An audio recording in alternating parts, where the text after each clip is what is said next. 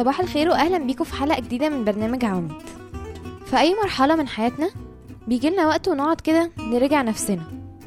لو أنت في الشغل هتبقى كل سنة بيحصل لك performance appraisal أو evaluation أو إن هما بيراجعوا الأداء بتاعك طول السنة اللي فاتت كان عامل إزاي أنت المفروض تاخد ترقية ولا لأ أنت المفروض تاخد ريز وفلوس أكتر ولا لأ ولا هيعملوا فيك إيه السنة دي. ف مديرك بيديلك ورقة ويقولك املاها وشوف انت عملت إيه السنة اللي فاتت وهو برضه بياخد نفس الورقة ويشوف انت عملت إيه السنة اللي فاتت.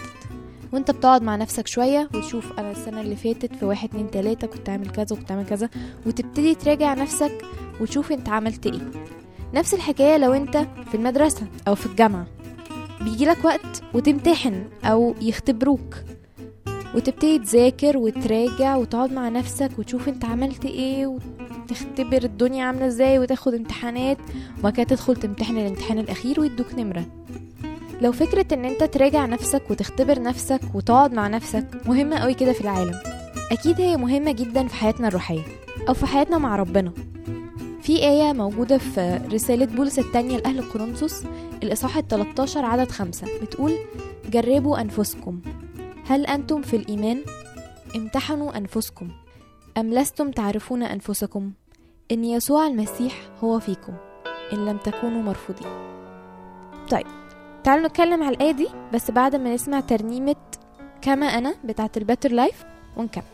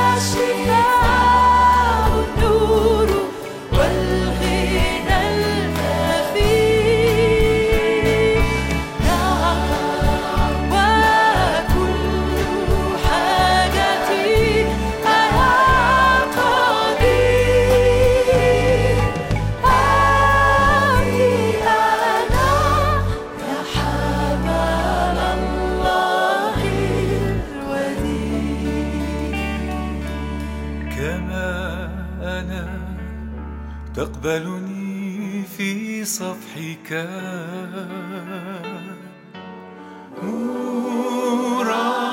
مرحبا مطهرا ببرك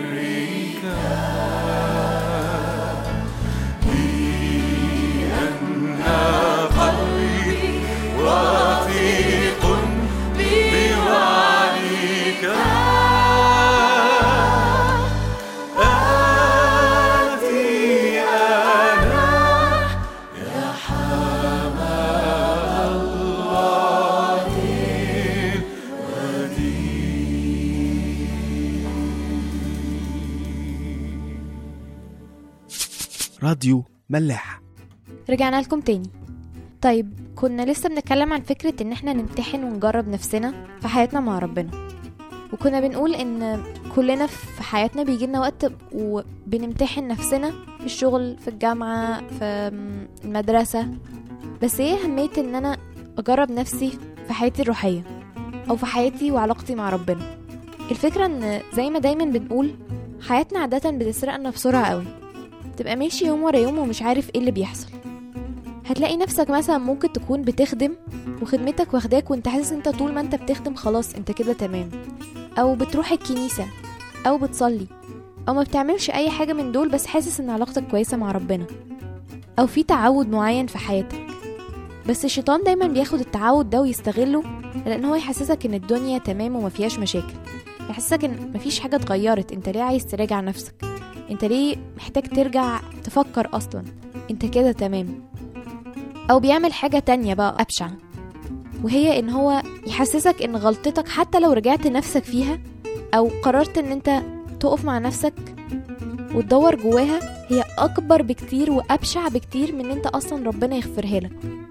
في لقا الاصحاح ال 15 في المثل اللي إحنا كلنا عارفينه مثل الابن الضال اللي راح قال لباباه هات ميراثي وباباه عايش. وباباه عشان كان بيحبه اداله الميراث ده. وراح صرفه كله وبزره في حاجات ملهاش أي تلاتة لازمة.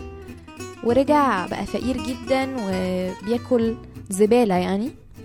وقعد مع نفسه. وهي دي أهم حتة في القصة. عدد 17 بيقول فرجع إلى نفسه وقال كم من أجير لأبي يفضل عنه الخبز وأنا أهلك جوعا.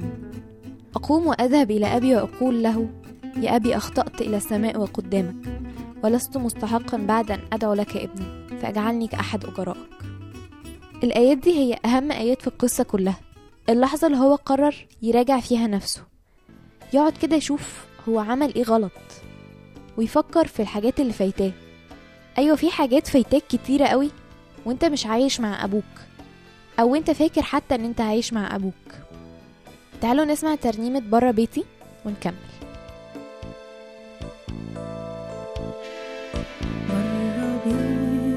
وحضن أبويا كنت محسوب من العبيد كنت ابن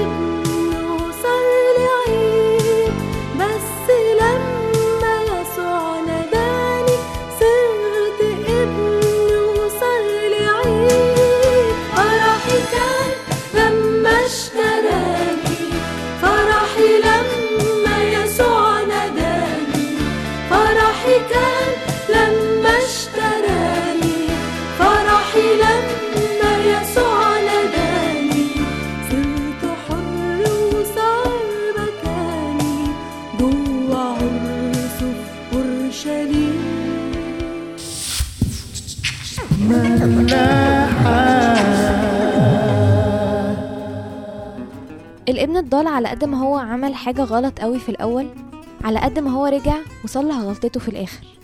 ربنا محتاجنا بس إن إحنا نقعد مع نفسنا شوية نشوف اللي إحنا بنعمله ده معاه ولا مش معاه.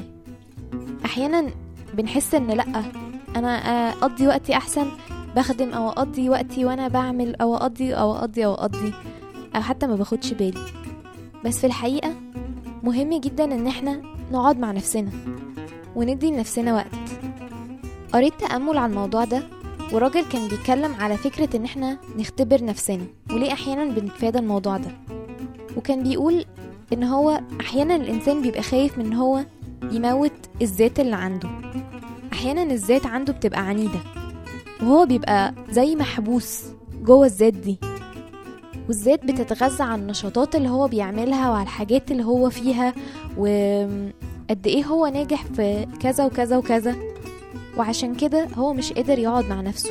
مش قادر يواجه إن في حاجة ناقصاه. أو بمعنى أصح مش قادر يعترف إن هو محتاج حاجة أو محتاج حد. نفسي قوي إن إحنا كلنا النهاردة نبتدي نركز مع نفسنا شوية. أيوة في حاجات مهمة جدا في حياتنا. بس إحنا برضو المفروض نبقى مهمين بالنسبة لنا وبالنسبة لربنا. ربنا هيبقى مبسوط وأنت بتخدم. بس هيبقى مبسوط أكتر لو أنت بتخدم وحاطط عينيك عليه. مش بس كده إن أنت تبقى عايش حياتك كلها ومهتم قوي بعلاقتك بيه وفعلا عينك دايما عليه. لأنك مهما حسيت إن حياتك مستقرة وثابتة وإن أنت شبعان عمرك ما هتشبع لأن الشبع الحقيقي في ربنا. هسيبكم مع آخر ترنيمة الماشب بتاع ملاحة ونشوفكم بكرة. مفيش غيرك يشبع. نفوس عاشت جعانة ويفجر من الصخرة. مية القلوب عطشانة. مفيش غيرك يشبع.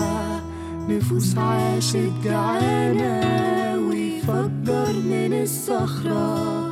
مية القلوب عطشانة. انت يسوع جيت من السما